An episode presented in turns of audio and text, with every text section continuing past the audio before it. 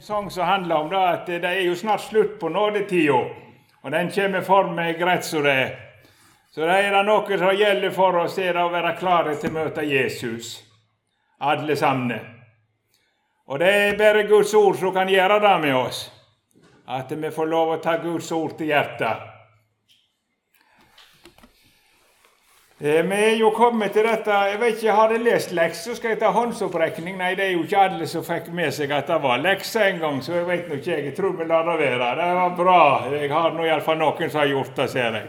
Ja ja, jeg har ikke tatt håndsopprekning, da, så det er noe bare Men eh, det var jo disse i slutten på kapittel 4 og kapittel 5, og da tenker jeg nok mange har tenkt dette er i grunnen tørt.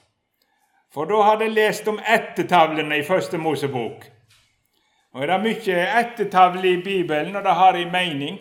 Det òg er Guds ord. Det er det. Men nå er det ikke rene ettertavler, men det kommer noe innimellom som kaster lys over forskjellige ting. Og eh, vi skal se litt på det. Kapittel fire eh, Ja, nå får det ta litt lenger. Vi har jo hatt om skapelsen og syndefallet. Og i syndefallet så får vi se hvordan synda sitt vesen er. Det fører oss bort ifra Gud, fører oss til å stole på oss sjøl i stedet. Og at da, eh, Adam og Eva var redde Gud. Det var kommet noe i veien. Og sånn som Adam ble etter fallet, sånn er vi. Det skal vi nevne senere i møtet òg. Og så fikk vi se følgene det fikk den dagen du skal dø. Og den åndelige døden inntredde med en gang. Og så kommer den legemlige døden. Hvis vi ikke får oppleve frelse, så kommer den evige døden. Alt har med syndefallet å gjøre. Så er kapittel fire Da kan du gjerne sette overskrift 'Synd og si makt'.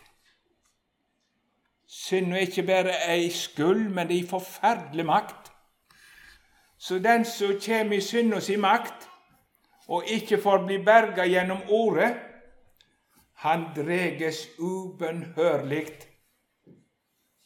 bort ifra Gud og mot evig død. Vi så det med Kain. Fordi han avviste redningsordet og ikke tok imot det i tru, så ble all hans gudsdyrking falsk, og så var han i synd og sin makt. Og synd og sin makt var så fæl at eh, han til slutt kom til å drepe broren sin.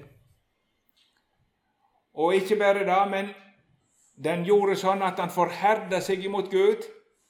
Gud talte til han, Gud kalte på han, og han ville ikke høre. Og til slutt så er det det absolutte bruddet. Han fer bort ifra Guds åsyn, og så har han ikke mer med Gud å gjøre. Jo, han har med Gud å gjøre, og han skal møte han igjen, men han vil ikke ha med han å gjøre. Og så vokser eh, flyr han altså til landet nådd. Kain uten Gud og uten håp i verden. Så ifra vers 17 i det kapitlet, da skal ikke vi lese alt. Det står i vers 16, altså, så dro Kain bort fra Herrens åsyn og bosatte seg i Nodd, austenfor Eden. Og Kain holdt seg til kona si, og hun ble med barn og fikk Hanok. Kan òg være Enok med det samme ordet i grunn. Så setter han seg føre og bygde en by, og han kaller byen Hanok etter sønnen sin. Og så kommer Hanok fikk sønnen Igrad, og så leser vi ned gjennom til vi kommer til 19. Da kommer det en som heter Lamek. Lamek tok seg to koner. Den ene heter Ada, den andre heter Silla. Ada fikk, så, Ada fikk sånn Jabal, som var stamfar til de som bor i telt og helt buskap. Bror hans heter Jubal, som var stamfar til alle de som spiller på harpe og fløyte. Silla fikk sønnen Tubalkain, som smidde all slags redskap av kopper og jern. Søster til Tubalkain var Naama. Og Lameks til konene sine, Ada og Silla, høyr mi røst. Lameks koner, lyd til det sier. En mann dreper jeg for hvert sår jeg får, en gud for hver skramme. For hvert Kain hevna sju ganger, skal Lamek hevnes 77 ganger. Jeg tar med de to siste versene i kapittelet i denne omgang. Adam holdt seg til kona si att, og hun fikk en sønn og kalte han Sett.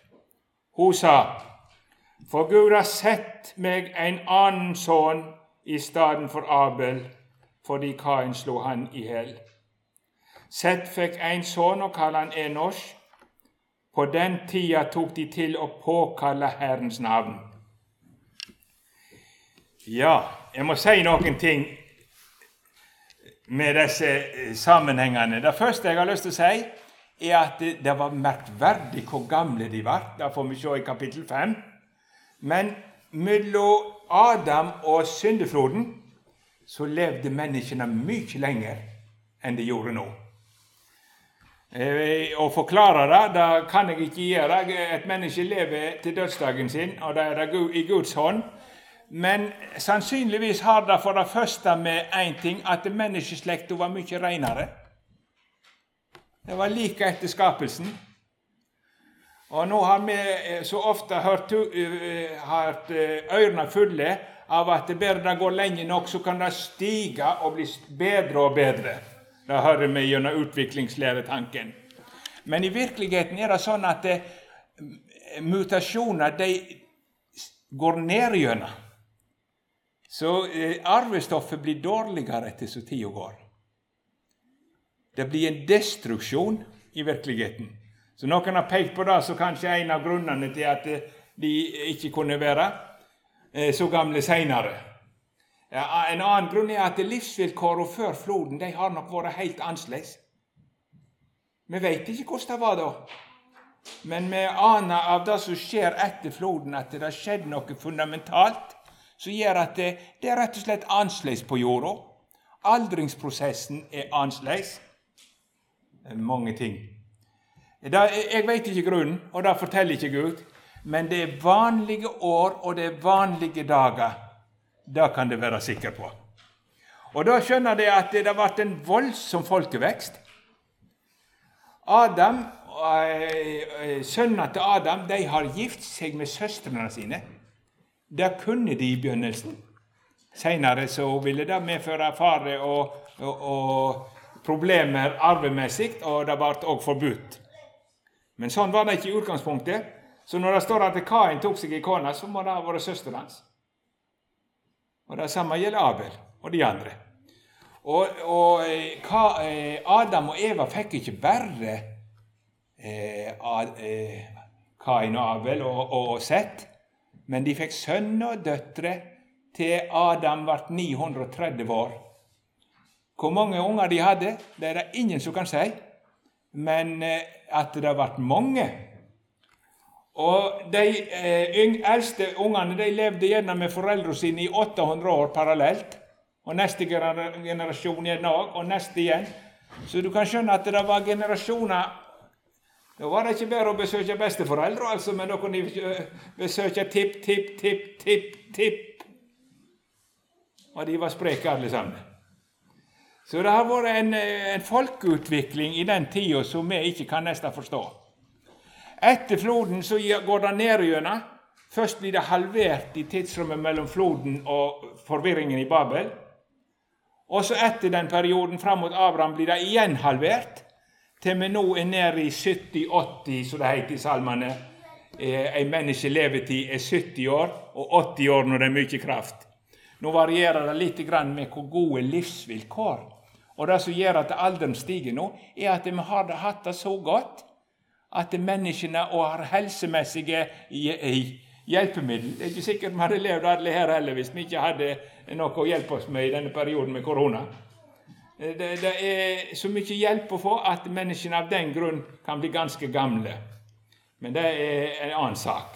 Vanligvis, når du nærmer, er i 80-årsalderen, så vet du at dagen nærmer seg uansett når du skal fare herifra.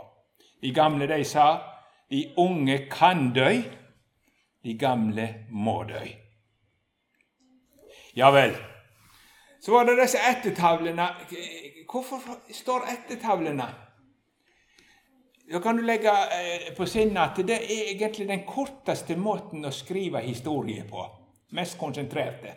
Da skriver du i grunnen bare ættene, og Kains ettertavle er veldig kortfatta, for der står det verken at de fikk barn videre, og, og det står ikke at de døde engang, men det gjorde de jo etter hvert.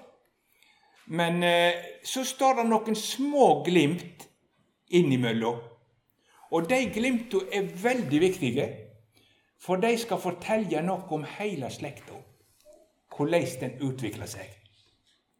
Og Da får vi først et innsikt i Kain-slekta, og så får vi etter hvert i neste kapittel fortrinnsvis, men òg i, i slutten på dette kapitlet. innsikt i settslekta. hva som kjennetegna den, hvordan den var. Og da kommer det framfor oss to åndelige rike. De som levde borti fra Gud, utviklingen deres, og de som trodde løftet og levde med Gud. Og Derfor får vi en nokså djup innsikt i disse to slektene, hvordan det var med dem. Og Det skal vi prøve å se litt på, for det taler sterkt til oss at på jord er det, det er ikke bare familie, altså, men det, det er åndelige slekter, to stykker. Det er to åndelige slekter på jord som er helt forskjellige, selv om en menneskelig talt lever om en annen. To slags folk, og vi kommer til å ligne den ene eller den andre. Det skal vi prøve oss på. Når Kains slekt kommer først, så sa jeg at det var syndens makt. Først får du se det i ett menneske, i Kain, og så får du videre se det i Kains slekt. Nå er det ikke sånn at det er umulig at det var noen i Kains-slekta som kom til omvendelse. Det sier ikke Skriften eksplisitt. En får ikke vite om alle. Og den sier heller ikke at alle i Sett-slekta hørte Herren til. Mot slutten så gjorde de det nok ikke. Men det vi vet likevel, og det vet vi av erfaring, at det er uendelig viktig hvordan vi steller oss for hvordan det skal gå med barna. Jeg hadde en bestefar, en bestefar og en bestemor som ble omvendt til Gud i voksen alder. Og de ble levende kristne. Men før det så hadde de tatt imot emissærer i heimen enda til mens de var uomvendte. Bestefar min han forteller eh, han skal ro emissæren på møte, og så midt i Bårøysundet, en plass der han rodde, så sier han til han, 'Du må åpne møte i dag.' 'Nei, sant, da kan jeg ikke, jeg er ikke kristen.' Men så ble han et Guds barn seinere, et levende Guds barn. Og så fikk faren min vokse opp i en kristenheim, der Guds ord var det viktigste vi hadde. Mange i Norge de får vokse opp Guds ord er aldri nevnt. Ingen mor som kommer inn om kveldene og bøyer kne med senga når de skal legge seg. Ikke ber de, ikke les de, ikke går de der Guds ord er. En forferdelig ting å vokse opp gudløst. ikke det tungt? Det er så uendelig mange i dette land som vokser opp gudløst. Og foreldre skal aldri få komme fram for Gud og si at ja, vi syns ungene kunne få velge sjøl, vi vil ikke prakke noe på dem. Nei, de har vist god nok vei at Guds ord var ikke viktig i deres liv. Og ungene som ser opp til sine foreldre, fortsetter i regelen på samme vei. Så det er ikke uvesentlig hvor vi steller oss. Vise det i heimene deres at Jesus er én. Nummer én. Viser det i heimene deres at Jesus og Ordet er den største skatten. Det er ikke alle kristne heimer det viser. Møter og samlinger kan en så godt unnvære, men fritidsaktivitetene, de husker en. Jeg er ikke gal med fritidsaktiviteter. Jeg er ikke galen. Det er ikke gale. Men det er gale hvis det er viktigere enn ordet. Det er gale hvis det er viktigere enn ordet. Eh, hvis det er en mann på Randaberget, kunne sagt navnet på han òg. Han var med i formannskapet. Og så ville de ha formannskapet-møte på tirsdagen. Nå er ikke det alltid det kunne gå på den måten, men da sa han tirsdagen vi må få til en annen dag. Ja, ja, det må velge tirsdagen hvis det må, men da er jeg opptatt. Det var bønnemøtedagen på bedehuset. Da er jeg opptatt. Han var ingen vrangmann, altså. Men han hadde bare noe som var enda viktigere. Og ikke det alltid, selvsagt var det noen ganger det kom i veien for han også, ikke kunne. Men å styre på lang sikt, da skulle det stå fast hva som var det viktigste. Ja, ja vel. Hvor er det da med Kain-slekta? Ja, det første vi ser, er at han, eh, den vokser opp borte fra Guds åsyn. Der var det ingen som minte om Guds ord, annet enn i vitsing av og til, kanskje. Der var det ingen som påkalla Herrens navn. Jeg kommer tilbake til hva det betyr i den setningen på slutten. Men det var ikke bønn. Der var det ikke løfte om Han som skulle komme, som var det største de eide. Nei, borte fra Gud. En var grunnferdig med Han, trodde en. Det er mange som tror i dag òg. Nei, det er jeg ferdig med. Det er du ikke. Gud er du ikke ferdig med. En dag skal du fram for Han. Og hver en eneste bevegelse hvert eneste hjerteslag i nådig gave ifra Han. Så Gud, er ikke du ferdig med det. Jeg bare eh, narrer deg sjøl. Ja vel. Det første vi leser om da, var at når han fikk sønnen sin, så oppkalte han byen etter sønnen sitt. Han bygger by, altså, og så oppkalte han etter sønnen sitt sitt navn. Det står i Salme 49. Eh, I Gamle testamentet er Salme 49 motstykket til den rike mannen og Lasarus. Og Der står det om de gudløse at de tenk, oppfører seg som om de skulle være her alltid, og så kaller de sine marker etter sine navn. For her er det at de vil ha minnesmerke. Det er her jeg lever. Og det er det første en ser med at det er det som er i denne verden, så er det viktigste. Det er her livet. Det er motsetning til de troende. Riktignok skal vi fortsette å arbeide der. Jeg snakket om nå, og, og, og kulturoppdraget gjelder fortsatt. Men ifra syndefallet av og ifra løftet om Han som skulle komme, så er Guds folk, som du sa, det var veldig godt du var inne på, pilegrimer med på reis. Vi venter på Guds rike. Vi venta på Han som skulle gjøre alle ting nytt igjen. Han som skulle gjøre ende på djevelen sine gjerninger. Så Guds folk er ikke hjemme i denne verden som ligger under synden og døden sitt herredømme. Og Når en bruker verden sånn, så tenker en først og fremst på menneskeslekta i sin gudfiendtlighet, ikke først og fremst på skaperverket. Skjønt det òg. Vi er ikke hjemme. Det er ikke her vi skal være. Jeg har ofte herma etter han fra Norge som kom på besøk til den rike eh, skulle si, den rike bonden borte på prærien. Og så skulle den karen vise hvor mye han eide, og det var visst voldsomt. Så han sa nå må du være med meg opp, du har vel ikke sett sånne prærier før? Nei, det har jeg ikke, han. Ja, nå skal du se hvor stor gården min er. Så gikk de opp på en høyde, og så pekte han. Alt du ser den veien, det er mitt. Og alt du ser den veien, og så for han hele runden. Og den hin står bare og himler med øynene. Har ikke sett så store flater. Eh, så vi kommer da stilt ifra han ifra Norge. Men den veien, da? Eier du noe der? Kanskje han på prærien ble ganske fattig, for da eide han ingenting. Kain han er hjemme i denne verden. Det er her det gjelder. Og Derfor er han driftige folk. De, når du ser seinere, så er det oppfinnere, og det er gode ting. Men uten Gud og uten himmel. Det er Kain-slekta. Uten Gud og uten himmel. Så hopper jeg over mange av disse navnene ut gjennom, og eh, han forfølger dem fra Kain til det femte og sjette leddet, får vi se. Eller skjønne ifra dem. Og den siste, nest siste vi får høre om, det er han Lamek. Det var en Lamek i den andre slekta, så navnene er av og til like.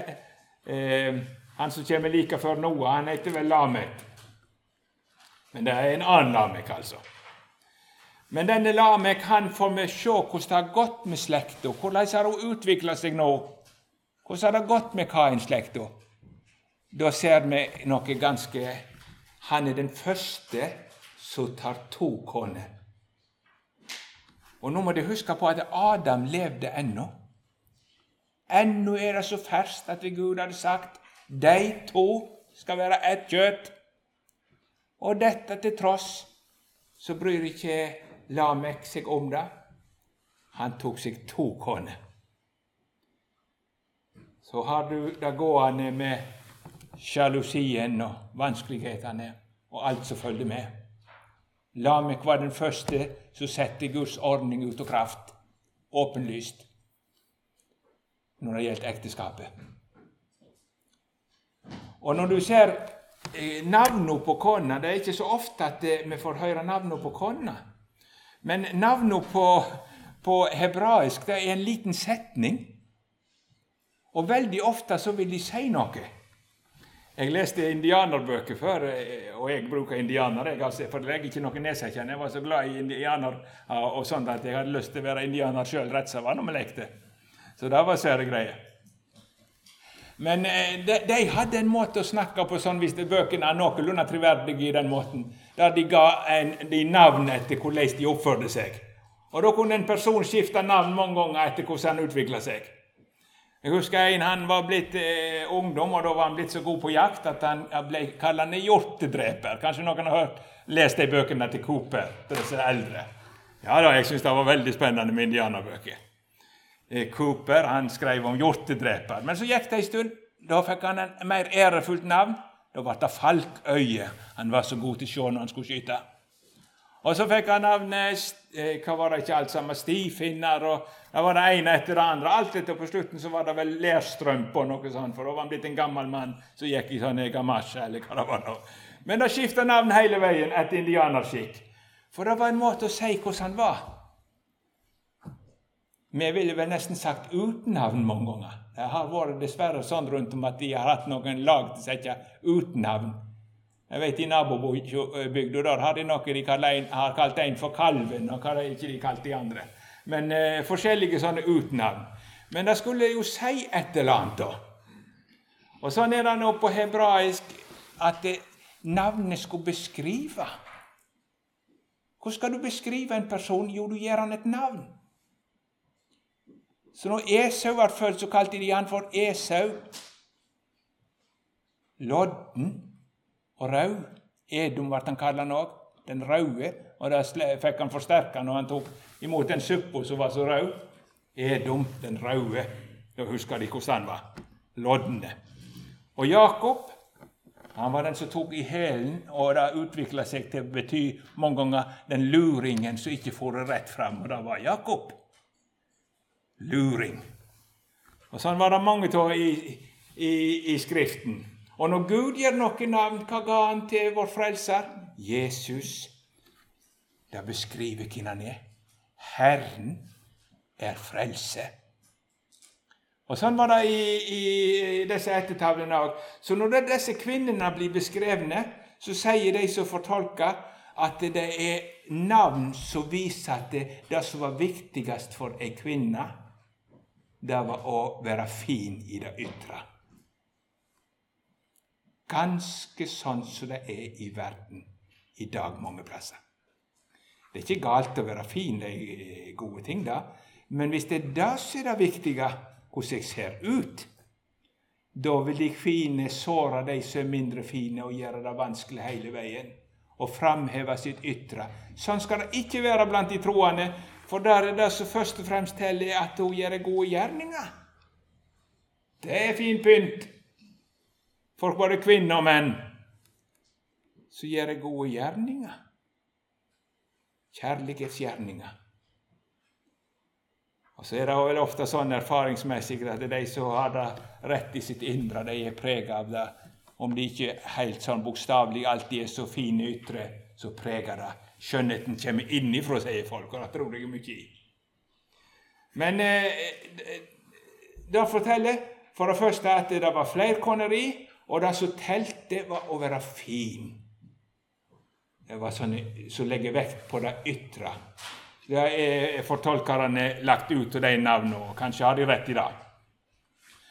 Og aller mest så ser vi det på hvordan Lamek er når det gjelder eh, hans innstilling når han har denne som de kaller for Lamek sin sverdsang. Brautende så sier han eh, eh, mann dreper for hver sår jeg får. En skikkelig Her er ikke noen som skal komme, altså. Er noen borti meg, så tar jeg igjen, ikke bare sju ganger som jeg har en, men 70 ganger sju. Ei, ei voldsinnstilling og hevninnstilling som ingen kulturer kunne fulgt opp i straffelovene. Men det sier at det, det er å ta seg sjøl til rette og tvinge seg fram og bruke sin makt. Det er det som har blitt utviklinga på slekta.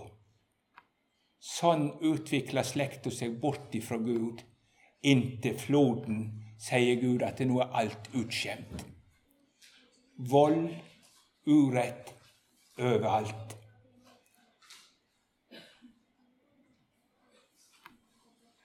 Det blir ikke godt i verden uten Gud. Hvordan kan det bli det når en vender seg bort ifra Han som er kjærlighet? De kan si de skal få det så lykkelig, men det blir det ikke. Folk sier vi må få leve som vi vil. Skulle visst alle de som gret i Norge fordi en følger ikke Guds ord. Tenk ikke minst på ekteskap og unger. Så vi må huske Guds ordning er gode. Men her er det en som er blitt en voldsmann og en horkar, og det skryter han av. Skryter han av. Så det, Du får inntrykk av et nokså grovt vesen. da. Nå er nok han et høydepunkt, men det vist seg at utviklinga er utvikling Kain, den som bygde den første byen, altså, det var en morder. Og så har det fått levd videre med i grunn samme grunninnstilling. Borte fra Gud, med ei utvikling imot Guds ord og vesen. Ja, det var Kain-slekta, bare i korte riss. Og Så begynner vi på den andre. Abel var slått i hjel, men, men, Eva får en sønn i stedet, som heter Sett. Eh, I stedet for han så møste. Så har hun fått mange flere, både døtre og sønner, videre. Det vet vi jo. Står i det femte kapitlet. Men eh, så står det en ting når Enos fikk en sønn. Og det er merkelig at eh, Enos det betyr forgjengelighet. Og det er et vanlig navn på mennesket etter syndefallet. Det er to ord som blir brukt for mennesket i, i Gamle testamentet. Det er Adam. Det betyr jordmannen. Adam er jord, altså. Og Adam er navnet for mennesket. Så I noen til oversettelsen så bruker de stundom menneske der det står Adam. Eksempel I den som 2011 så er det mye mer brukt menneske enn Adam i begynnelsen. der. Men det andre er Enosh, og det er en, bare en vindpust. Et forgjengelig menneske. Og det gjentar seg jo når vi leser ut gjennom ettertavlene. De levde, og så døde de. Jeg er bare en gjest på jorda, så skal jeg herifra. Et forgjengelig menneske er norsk. Og mens eh, Kain-slekta roser seg og, og kaller byene opp etter seg og er stolte, så erkjenner iallfall den andre slekta da at vi er i virkeligheten forgjengelige og støv. Vi trenger redning. Så står det da at eh, når eh, han Enos blir født, så begynte de å påkalle Herrens navn. Og det er et voldsomt flott trekk. For det betyr ikke at det er første gangen de ber. Adam og Kain hadde, nei, Abel og Kain hadde jo allerede ofra til Gud. Og med offer og bønn det har fulgt hele veien. Kan jo bare høre den samtalen eh, mellom Kain og Gud. Så det er klart at det bønn har det vært. Men hva betyr det uttrykket 'på den tid tok de til å kalle på Herrens navn'? Det betyr rett og slett at da, fra da av så begynte de å samles i Jesu navn, eller i Guds navn, for å rope til Han og for å høre om Han. For å, Det står ikke altså de begynte å kalle på Gud, men de begynte å kalle på Guds navn. Skal jeg legge merke til. Gud har allerede et navn iblant de. Han har navnet som Skaperen, men så har han navnet til den som har lovt at det skal komme en frelser. Og så fikk de trang å rope til denne Gud som har lovt å frelse oss. Han som har skapt oss. Han er den eneste som kan berge oss. Og så kom de sammen og forkynte dette navnet, og så påkalte de han. Og Derfor er det et uttrykk for den troende menighet.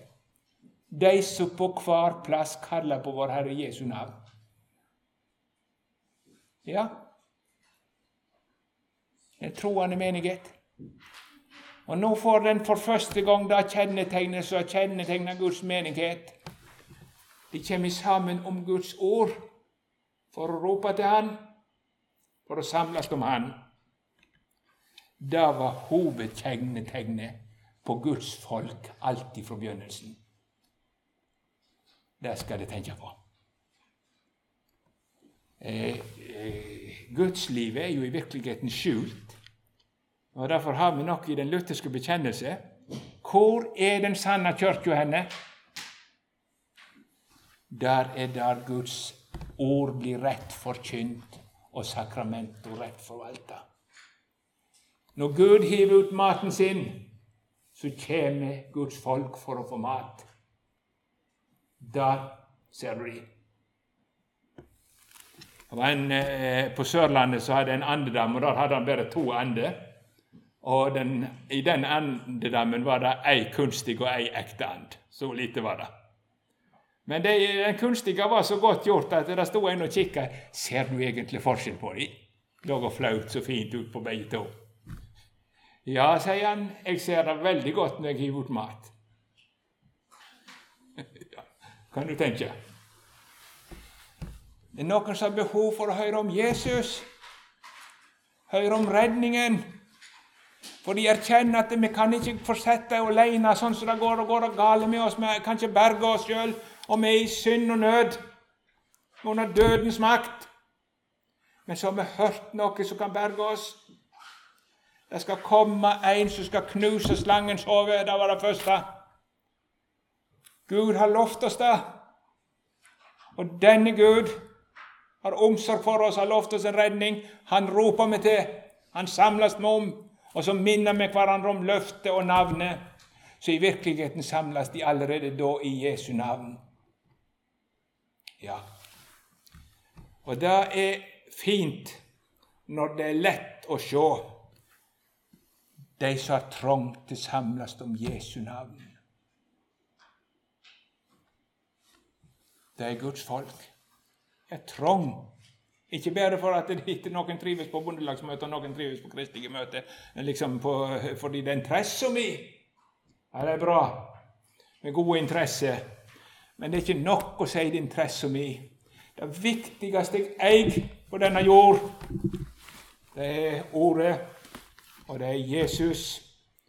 Og det er de som har bruk for Jesus. Vi må samles om det. Det går det en stund nå, har har kjent i korona, jeg håper ikke jeg er den eneste som har kjent det. Så tungt hvis vi ikke skulle få samles. For vi har noe i lag som er redningen for oss. Og så har vi behov for å ete det i lag, og så har vi behov for å dele det, og så har vi behov for å høre det igjen, og så har vi behov for å rope til Gud. Rope til Gud. På den tid begynte de å kalle på Herrens navn. Og så var det det som var det første kjennetegnet med den slekta videre.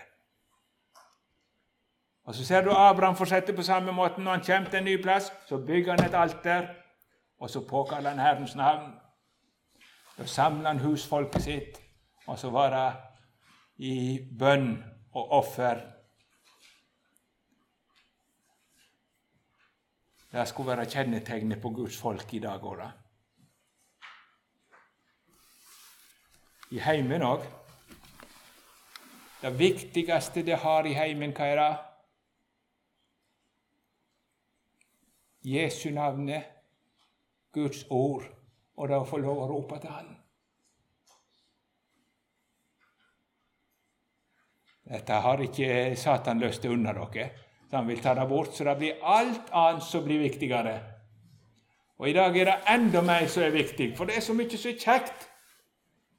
Jeg kjenner det sjøl, altså. Vi har jo sånne på iPad og jeg har data og forskjellig. Det er så fort å fare inn på nyheter, det er så mye interessant i verden. Og så av og til så slår samvittigheten min. Hvor blir det til ordet oppi alt? Hvor blir det til ordet? Hvor blir det til ordet for ungene?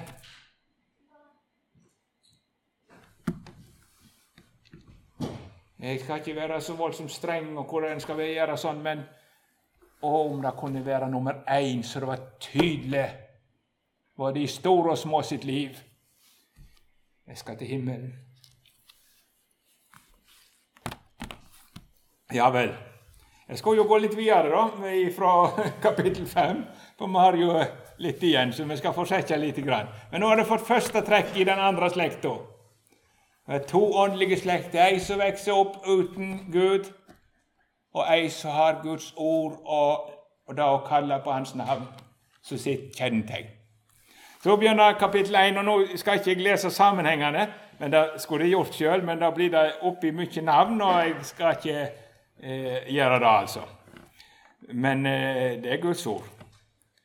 Det er sånn begynner det. Dette er boka om Adams etter. Den dagen Gud skapte mennesket, skapte han det i Guds bilde. Til mann og kvinne skapte han deg, og han velsigna deg og ga dem navnet menneske den dagen de var skapte.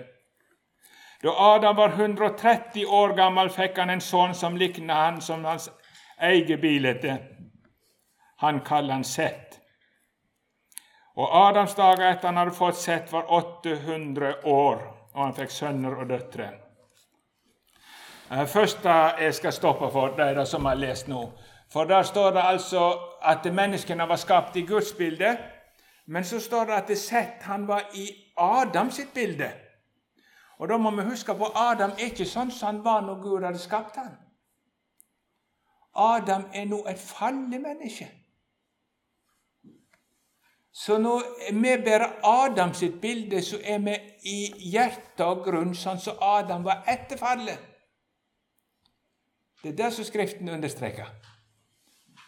Og Nå er det godt å tenke på at eh, har du båret bildet av Adam, men er kommet til tro på Jesus, så skal du en gang i herligheten bære bildet av Jesus på fullkommen måte. Men allerede i gjenfødelsen så skapes du på ny tent i Guds bilde. Men eh, vi arver altså Adam i sitt fall. Med kjøttet, som vi ofte sier, kommer lenger ute, fordi de har forsett seg i kjøtt. Ja, med kjøtt. Så sånn er det. Vi arver, arver Det er arvesynden, da. Og arveskuld. Vi er alle på grunn av Adam i utgangspunktet utenfor Guds rike og må gjenfødes. Alle sammen. Og alle som er født på naturlig vis, de er født uten frykt for Gud, uten tillit til Gud og med vond lyst i hjertet. Alle sammen. For vi bærer Adam sitt bilde. Men så er det Gudsordet og evangeliet som kan skape nytt liv. Løftet evangeliet. Og Derfor er det noe som heter å bli født på ny ved ord, ved vann og ånd, som det heter. Ja. Det neste trekket jeg skal ta fra dette kapitlet, det er et veldig flott trekk. Da kommer vi opp gjennom mot 18 og eh, da får vi noen av de som ble aller eldst. Sånn av de som er oppregna i Skriften, så er det han som er far til Enok, og han som var sønn til Enok, så er de to eldste vi veit.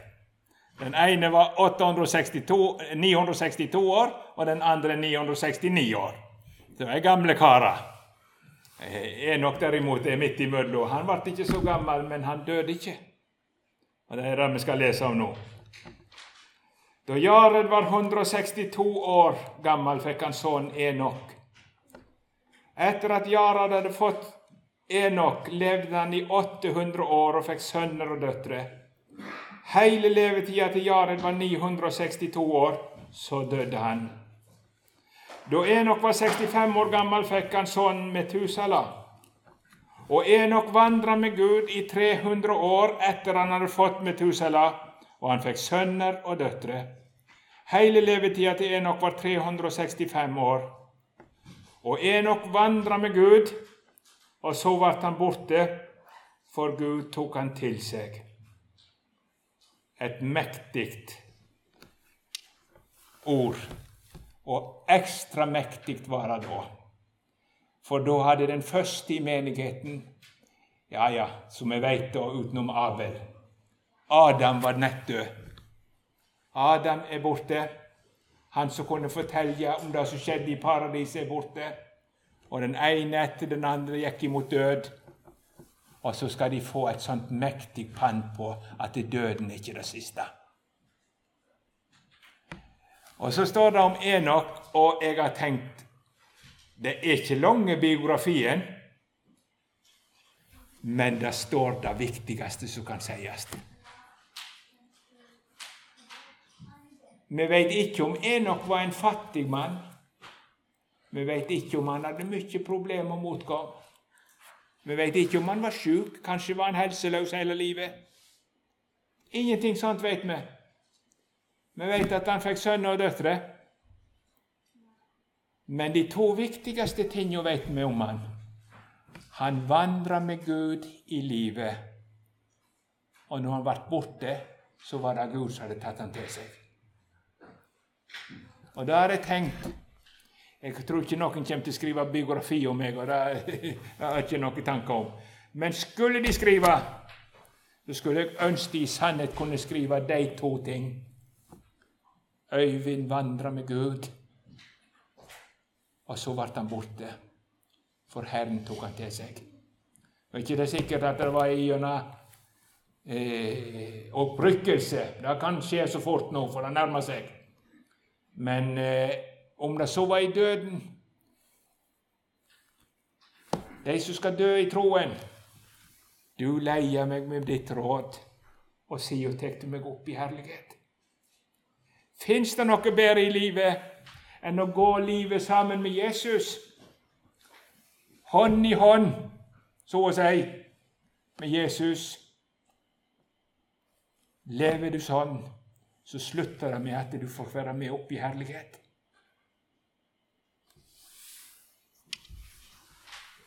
som beskriver livet. Han vandrer fram gjennom livet, men han vandrer aldri alene.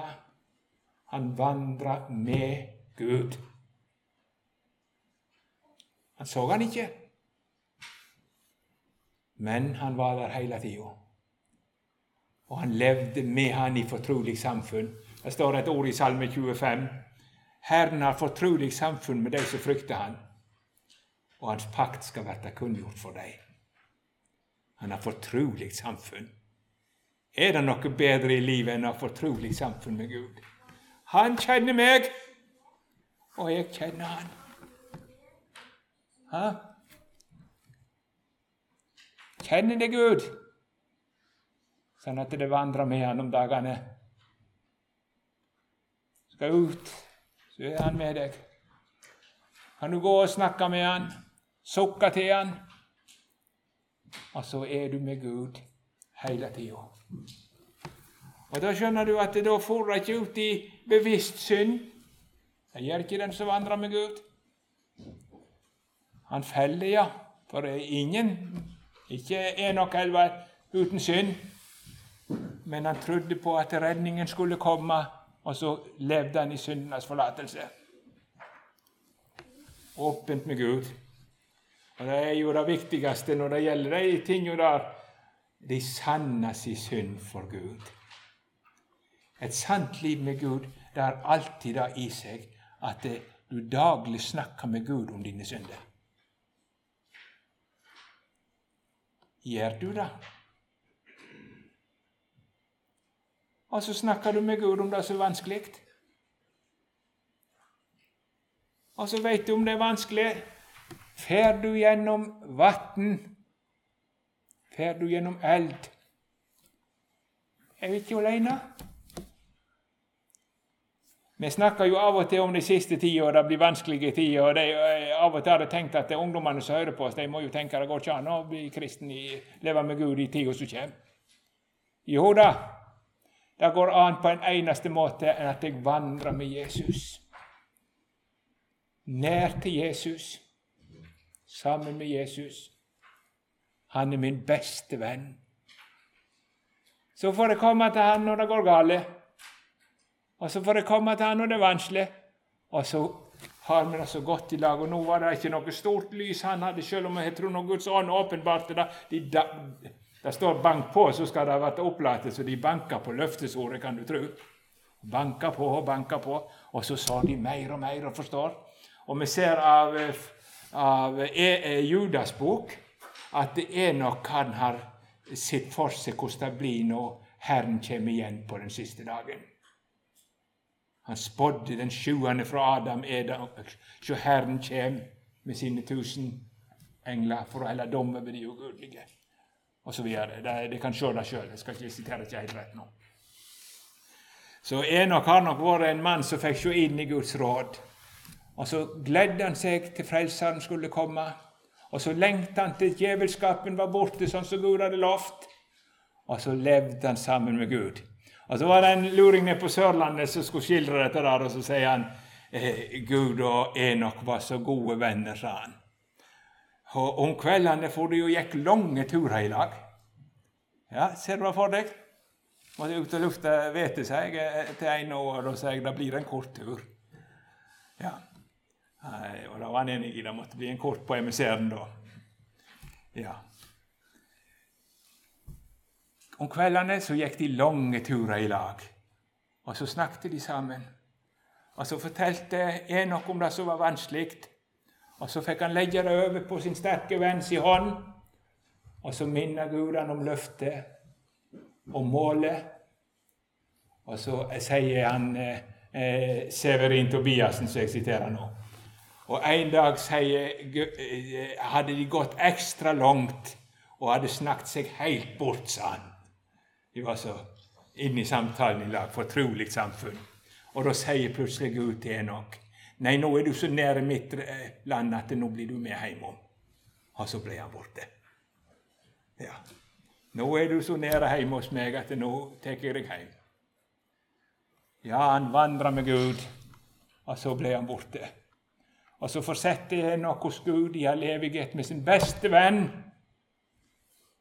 Det er nok å få komme hjem til den vennen, men da vennskapet må begynne på jord Det. Derfor er det så godt med alle som får bruk for å holde seg nær til Jesus. Hvilken venn vi har i Jesus! Alt han vet, og alt forstår.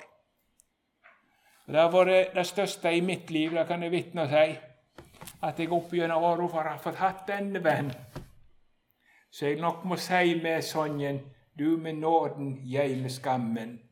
Å, hvor vi da passer sammen.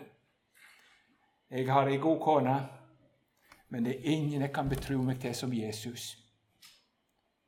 Han veit alt. Han veit om de mørkeste avkroker, og vil han skal vite det. For han har båret det på korset og gjort opp for alt, og så er det full forlatelse. Og så veit jeg den hånda, den holder fast når de andre håndene må slippe. Når jeg har trettlagt mitt hode til ro, Jesus, Jesus. Vi er alene i stillhet, vi to. Jesus, Jesus. Da blir det småtte som før syntes stort, da blir det lite alt det jeg, jeg har gjort. Da uten deg vil jeg komme til kort. Og så sier Tandberg i den sangen, O Herre, til hvem skulle vi da gå hen? Når livskvelden kommer og solen går ned, og evighetsklokkene ringer, i skyggenes dal og ved dødsfrodens bredd, si hvem skal vel over meg bringe? Hvor godt at Jesus befaler sin ånd, og barnlig å legge sin skjelvende hånd i Hans som har gått gjennom dødsdalen før og fjernet dens brodd og dens tårner. Å, hvor godt det var samfunn med Jesus på jord, og få vandre med Han. Vandre med Han. Det er ikke de store tingene alltid, men jeg og Jesus hører alltid sammen. Mm. Sånn skal vi få ha det. Ja, men så er det noen som sier jeg er så uåndelig mange ganger. Ja, da er ikke du alene. Her er en til. Det er jo nettopp derfor jeg trenger han. Jeg trenger en som redder meg. Og Det er nok trang òg. En som redda han. Og så hadde han funnet han som redda han alltid. For meg er det godt å holde meg nær til Gud, sier han. Det er Asaf. Han var helt på linje med Enok. Ja, du har grepet min høyre hånd, du leier meg med ditt råd og sier og tar meg opp i herlighet. Hvem har jeg ellers i himmelen? Og når jeg bare har deg, eh, så har ikke lyst til noe på jorda. Men han mener ikke at han ikke kunne andre ønske sånn, men det er det jeg det, er i grunnen det meste sagt. Det viktigste sagt. sagt. er bare deg. Du leier meg med ditt råd. Og har jeg Gud, så kan han ordne alle andre ting òg. Det står det jo i 'Søk Guds rike først', så skal du få alt dette andre i tillegg. Så hva altså skjønne Skaperen og Frelseren. Han vet hva du trenger, han vet hva du må ha. I stort og smått av alle ting. Så skulle du bare være hans, så vet han om råd med alle ting. Ja. Så da var det andre trekket med den slekta. Jeg tror ikke jeg kan gå mye videre nå. Jeg må jeg bare nevne det siste. Da, det og det var helt imot slutten, når Noah skal bli født. Ja, vi må ha det nett med oss. Klarer dere det? Jeg sitter og gaper, så går det gjennom. Ja. Da Lamek var 182, 28. verset, 82 år gammel, fikk han en sønn. Han kalte han Noah og sa han skal trøste oss i arbeidet vårt og i allmua vår på den jorda som Herren har forbanna eh, Han venta sånn på redningsmannen, og så tenker han det er Nå er han vel her. Han skal trøste oss. For Gud har nok gitt ham noe om at det, det kommer snart til å skje noe. Det kommer snart til å skje noe. Og så kom Noah. Men det er altså uttalt av en mann som lengter sånn til Guds frelse. Han skal trøste oss. Nå ble det ikke Frelseren, men det ble et forbilde. Han som bygde ei ark for seg og sitt hus, som kunne berge inn på den nye jord. Så sånn er Noah et forbilde på Jesus òg. Men det var nå dommen som kom, ikke frelsens dag endelig. Men han så han langt der fremme, og så lengta de på han dagen. Jeg syns det er fint trekk av Guds folk. De lengter. Og nå, selv om Frelseren er kommet og fullbrakt verket, så lengter fortsatt Guds folk. For de lengter på den dagen Jesus har makten og kommer i herlighet og gjør alle ting nye. Snart skal lengselsdagene være slutt for Guds folk. Skal de få nyte i fulle drag. Det lakker med tiden, og dagene går. Snart ut fra vår himmelske brudgom vi får, min elskede. Nå skal du ombytte din lengsel med lykke og elskes i himmelske kår. Det er godt å være frelst i 2022. Det er godt å være frelst. Og så er det ei glede å si til de som ikke skulle ha det rett med Gud. Veien til Jesus er ennå åpen. Ennå går det an å rope på Jesus. Ennå går det an å høre Hans ord til tru. Det hadde jeg lyst til å si. Vi må nytte tida, for nå er det snart kveld. Kjære Herre Jesus, vi takker deg for ditt ord. Helg oss i sannheten. Ditt ord er sannhet. Amen.